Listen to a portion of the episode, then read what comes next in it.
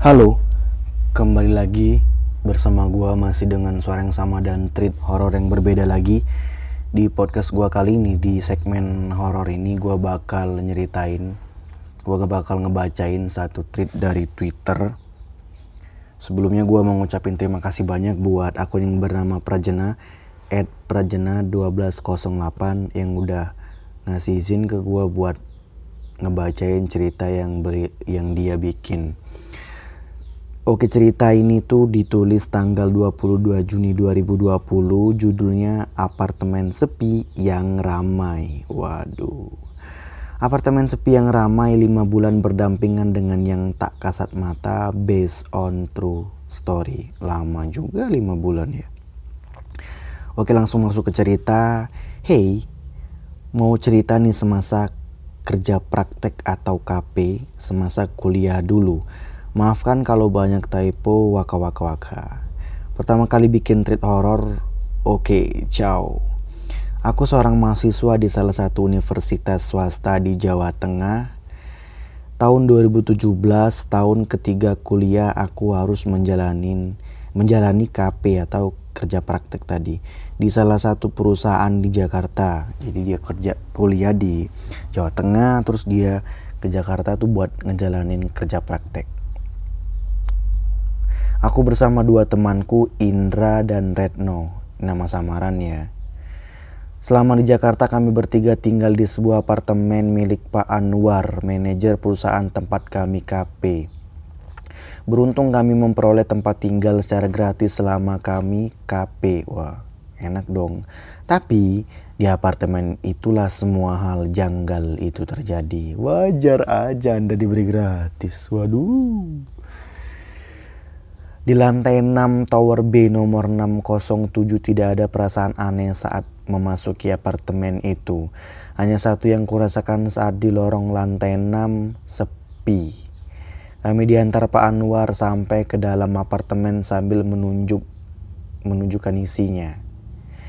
Ada dua kamar, satu kamar besar dan satu kamar kecil. Ruang tamu yang menyambung dengan dapur dan satu kamar mandi di dekat pintu masuk. Untuk pembagian kamar aku dan Retno di kamar besar dan Indra di kamar yang kecil.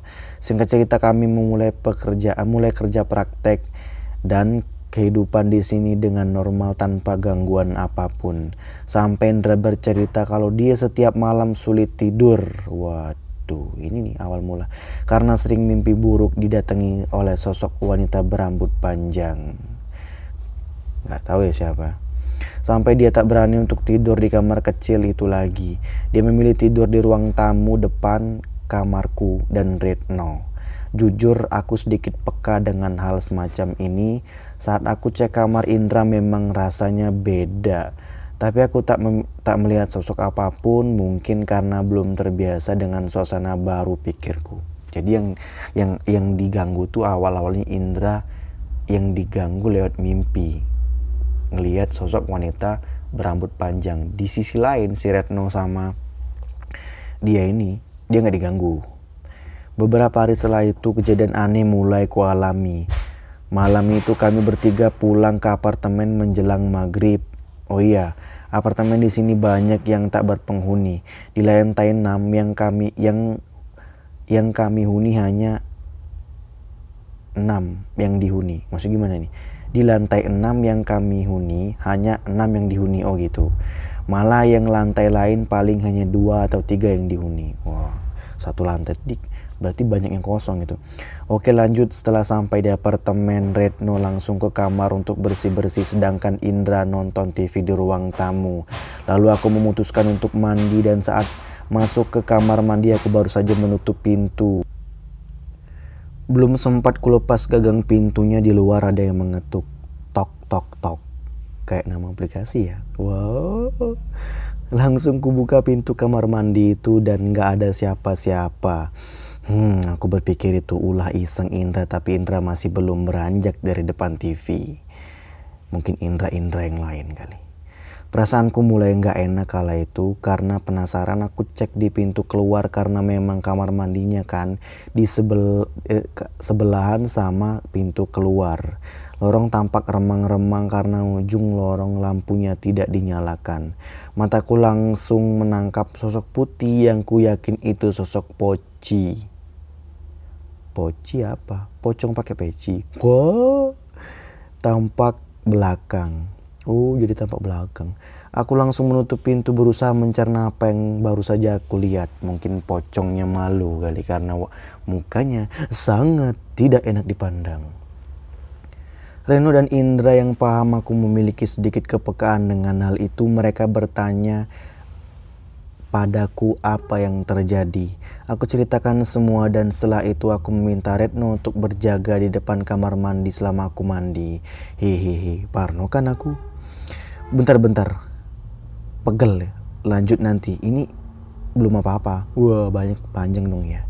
Oke, lanjut lift ada di kedua ujung lorong, satu menuju gerbang depan dan satunya menuju gerbang belakang. Di kedua ujung lorong itu selalu gelap karena unit-unit yang di dekat lift itu semua tidak berpenghuni. Jadi ya makin parno aja kalau naik lift turun pas malam-malam gitu. Indra mulai nggak nyaman tinggal di sana karena dia benar baru bisa tidur setelah subuh meski dia sudah pindah ke ruang tamu. Jadi sampai di ruang tamu tuh masih digangguin ya. Dia mengaku kerap mendengar suara tangisan wanita dari dalam kamar kecilnya. Anehnya hanya Indra yang mendengar suara itu. Sampai akhirnya dia memutuskan untuk tinggal di Bekasi bersama kakaknya. Kini tinggal aku dan Retno yang tinggal di sana. Oh iya, apartemen ini kedap suara, jadi begitu pintu masuk ditutup suara dari luar nggak akan bisa terdengar. Nah selang sehari setelah Indra pindah, gangguan-gangguan itu mulai muncul. Malam itu aku dan Retno sedang mengobrol di kamar sembari menunggu waktu tidur.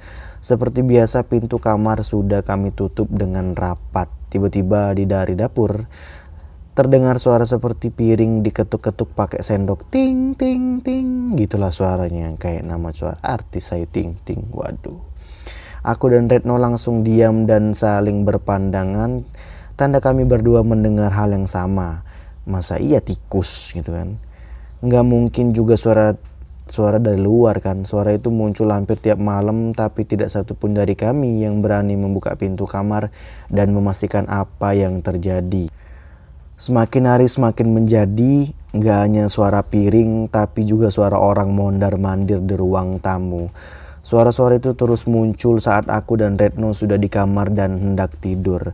Seminggu berlalu suara-suara itu terus muncul di malam hari. Sebenarnya ingin melihat, membuka pintu kamar gitu.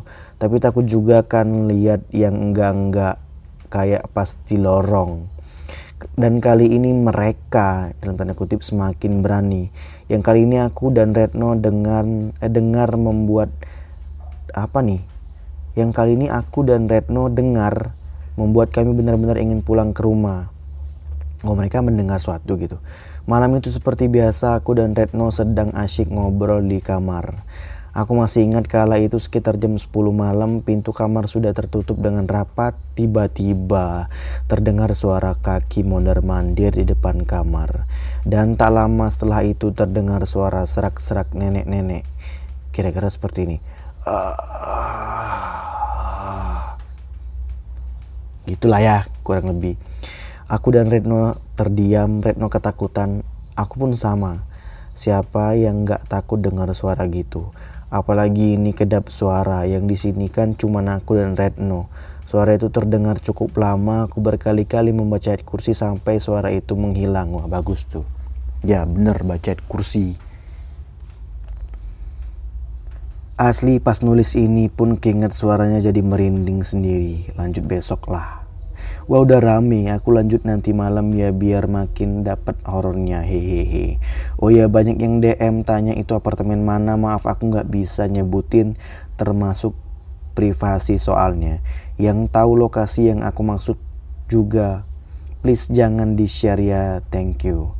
Oke lanjutnya for your information, apartemen ini tingginya 21 lantai, tapi lantai 13 tuh nggak ada.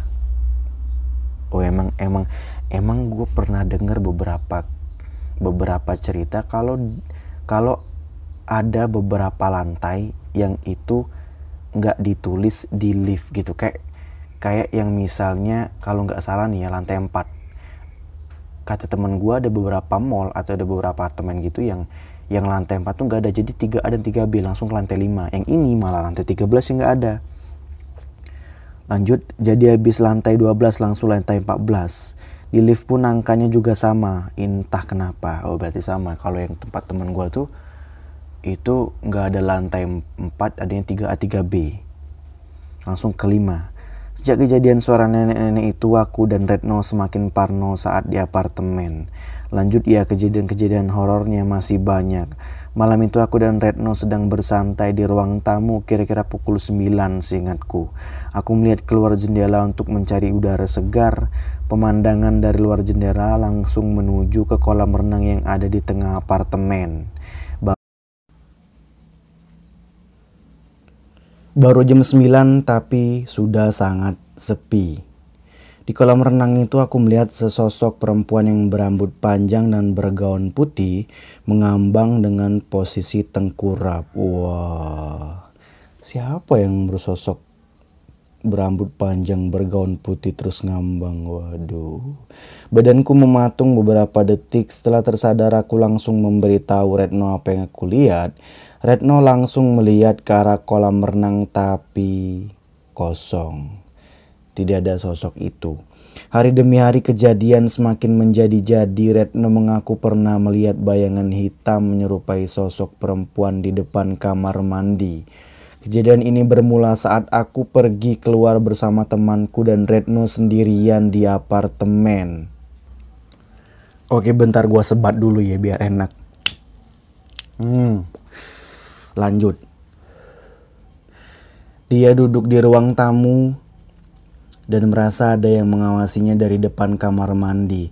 Retno tidak berani menoleh ke arah kamar mandi. Selang berapa saat dia menoleh dan melihat dan melihat sekelibat bayangan hitam yang menyerupai sosok perempuan. Retno ketakutan, dia ingin masuk ke kamar juga tidak berani. Sampai akhirnya dia tetap mematung di ruang TV sambil menunggu aku pulang. Waduh lama banget ya. Kejadian yang dialami Retno juga kualami saat Retno harus pulang ke rumahnya. Selama dua hari satu malam mau tidak mau tidak mau aku harus di apartemen sendirian. Rasanya pengen ikut pulang kala itu. Aku masih ingat itu weekend dan KP ku libur, maksudnya kerja prakteknya libur. Rasanya aku ingin Tak ingin ada matahari tenggelam. Malam menjelang, aku berusaha bersikap senang mungkin seolah-olah kejadian-kejadian yang janggal kemarin tidak pernah terjadi. Aku bersantai di ruang tamu sambil memainkan ponsel. Dari arah depan kamar mandi aku merasa ada yang lewat. Nah ini kataku dalam hati. Aku nggak berani noleh, kemudian aku memutuskan untuk masuk ke kamar karena benar-benar suasananya terasa nggak enak banget. Pintu kamarku tutup rapat, aku video call orang tuaku supaya ada temen ngobrol. Tapi entah mungkin sinyalnya yang gangguan apa gimana video call kala itu nggak selancar biasanya. VC sering mati sendiri, ah mungkin jaringannya gangguan, pikirku. Malam terasa sangat panjang, MP3 di ponselku tidak kumatikan sama sekali, supaya tidak sunyi. Tapi ternyata aku masih bisa mendengar suara itu. Dari depan kamar terdengar suara langkah kaki yang diseret mendekat ke arah kamarku. Panik dong, mau gimana juga bingung. Srek, srek, seret gitu ya kayak di itu. Lalu bayangin sendiri lah gimana kaki bisa share gitu. Suara itu kian mendekat setelah benar-benar mendekat di depan pintu kamar suara itu menghilang. Aku sedikit bernafas lega meski masih ketakutan parah. Teori berhenti eh, teror ber, kok teori sih? Teror berhenti sampai di situ? Enggak Suara-suara piring seperti biasa yang juga terdengar beberapa saat setelah suara langkah kaki itu menghilang. Oh iya, kan kamarku dan kamar Indra itu AC-nya satu di tengah-tengah jadi ada celah yang cukup besar di antara kami. Mataku tertuju celah itu. Duh, lupa nyalain lampu kamar Indra. Pikirku. Aku berusaha untuk tidak menoleh ke sana lagi karena aku merasa nggak enak banget. Tapi seperti yang ada tarikan yang nyuruh aku buat noleh dan aku melihat sosok wanita sedang mengintip ke arah kamarku matanya memerah. Wah, apakah mungkin wanita ini habis pulang dari clubbing? Waduh, tidak mungkin. Astaga, merinding pas ngetik ini. Ya mbak saya juga merinding pas baca. Aku langsung memalingkan pandanganku. Selang beberapa saat aku noleh lagi sudah hilang. Kuputar MP3 alunan ayat kursi berulang-ulang sampai pagi hari. Keesokan harinya aku menghubungi Indra supaya ke apartemen sampai Retno pulang. Syukurlah sore itu Indra datang aku sedikit lega. Next, intermezzo dikit ya, gangguan kali ini nggak muncul di apartemen. Weekend selanjutnya setelah aku sendirian di apartemen, kami bertiga pergi keluar untuk menonton film. Aku lupa film apa yang jelas, film horor Indonesia. Aku, Retno dan Indra duduk di barisan keempat dari belakang. Hanya sedikit yang menonton kala itu. Studio sangat longgar. Aku masih ingat tiga barisan kursi belakang kami kosong. Aku tidak berpikir apa-apa kala itu. Sebelum film dimulai, aku dan Retno foto bersama. Singkat cerita kami bertiga kembali ke apartemen sekitar pukul 10 malam. Artinya selama nonton gak ada masalah dong ya. Sembari bercerita aku melihat foto-foto selama di bioskop tadi dan yang bikin takut di salah satu fotoku dan Retno sebelum film dimulai. Kenapa gue merinding ya? Kursi barisan paling belakang ada sosok perempuan muka rata berambut panjang yang ikut berfoto. Bangsat emang. Waduh, kenapa lu mau ikutan eksis juga hantu? Aku terkejut kutunjukkan foto itu kepada Indra dan Retno mereka pun heran, sayangnya foto itu tiba-tiba menghilang. Di ponselku juga tidak ada. Bahkan Indra yang sempat mengunggah foto itu di Instagramnya juga tiba-tiba postingannya menghilang selang beberapa hari. Berarti akun lu dibajak sama hantu muka rata. Sampai sekarang nyoba nyari foto itu tetap aja nggak ketemu. Ya Allah hantu, kenapa lu mau ikutan foto? kalau fotonya mau lu hapus setan waduh Padahal udah di backup di laptop tapi nggak ada. Oke lanjut ke apartemen lagi ya. Berarti diganggu mereka di di bioskop. Beberapa minggu setelah itu Wati temanku berkunjung ke apartemen. Dia juga termasuk orang yang sedikit peka dengan hal semacam itu. Tapi dia hanya bisa merasakan kehadiran mereka. Tapi tidak bisa melihatnya. Di apartemen ini memang ada rooftop. Wati mengajak untuk naik ke rooftop. Oh jadi Wati ini nggak tahu gue ini emang teman satu apartemennya dia apa gimana gue nggak tahu. For your information, setiap orang di sini punya kartu akses untuk menggunakan lift tapi hanya bisa mengakses lift sesuai dengan lantai unit yang dihuni. Jadi aku dan Retno hanya bisa mengakses sampai lantai 6. Nah, untuk naik ke rooftop aku, Retno dan Wati menumpang orang yang naik ke atas. Tapi saat itu orang yang kami ikuti ternyata hanya sampai lantai 17 sedangkan ada 21 lantai. Terpaksa sampai lantai ke atas kami melewati tangga darurat. Oh jadi dia tuh bisa mengakses lantai sesuai dengan lantai yang dia huni. Jadi kalau misalnya dia tinggalnya di lantai 6 ya udah batas lantai 6 berarti. Lampu pada tangga darurat tidak terlalu terang tapi aku tak melihat sosok apa pun. Sampai di lantai 21 tinggal ada satu tangga gelap. Tidak ada lampu penerangan sama sekali. Di ujung tangga ada satu pintu menuju rooftop. Saat menaiki tangga Wati berada di paling depan. Namun suasana semakin tak mengenakan Meski aku tak melihat apa pun, aku sudah tak yakin saat Wati akan membuka pintu. Langsung ku cegah dia dan kami bertiga memutuskan untuk turun. Kenapa anda capek-capek ke atas kalau mau turun berarti? Saat di lantai 19, aku melihat sosok perempuan bergaun putih yang sama seperti yang kulihat di kolam berenang. Dia menunduk sehingga aku tak bisa melihat wajahnya. Mungkin dia malu kali.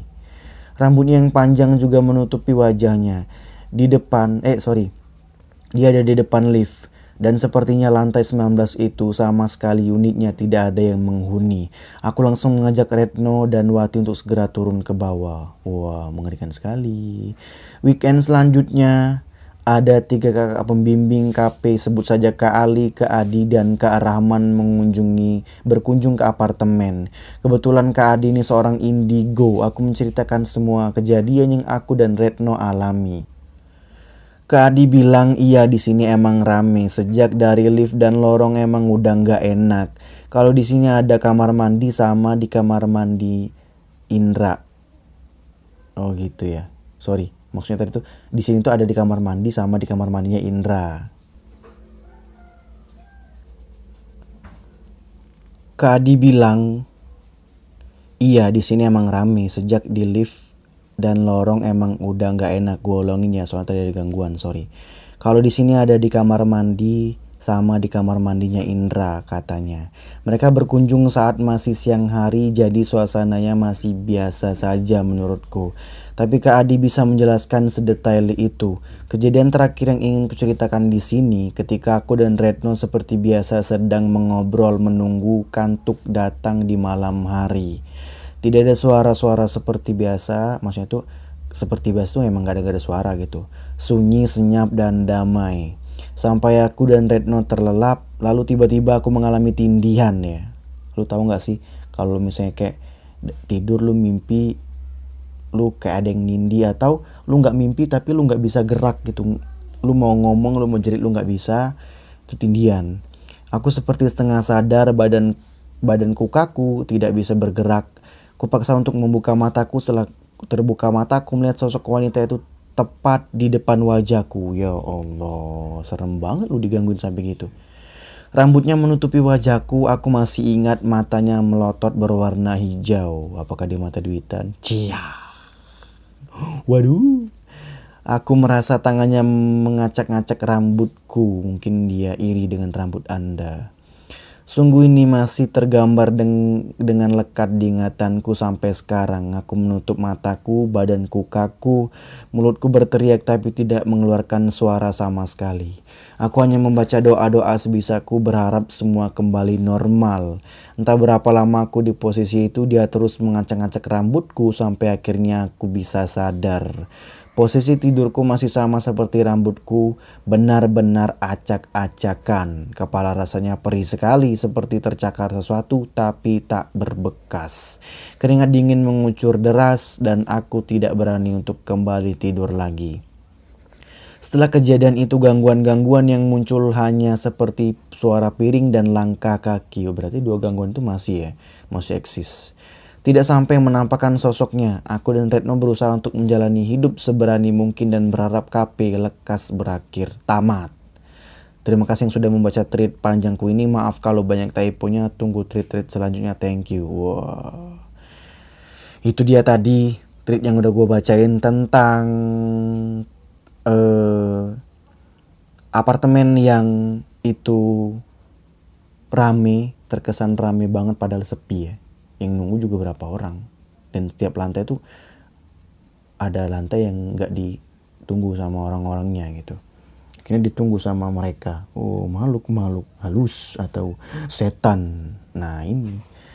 Ya itu tadi ya buat temen-temen yang mungkin di kosan kalian di rumah atau di apartemen kalian ngalamin hal, -hal kayak gitu gue saranin lu banyak-banyak lu banyak-banyak ibadah di situ lu banyak-banyak baca doa gitu. Jangan jangan malah lu pergi ke dukun. Wah bisa tambah parah. Yang ada juga hantu si dukun nempel di kosan anda. Waduh. Jadi buat teman-teman yang punya cerita horor atau pengalaman-pengalaman horor dan mungkin lu mau curhat apa segala macem lu silakan kirim ke uh, ke email gua asal lu jangan nanya lu bisa ngirim duit nggak bang? Gua nggak bisa kirim duit. Waduh. Gua aja butuh duit. Wah. Oke sekian dulu aja treat dari gua. Sampai jumpa di next treat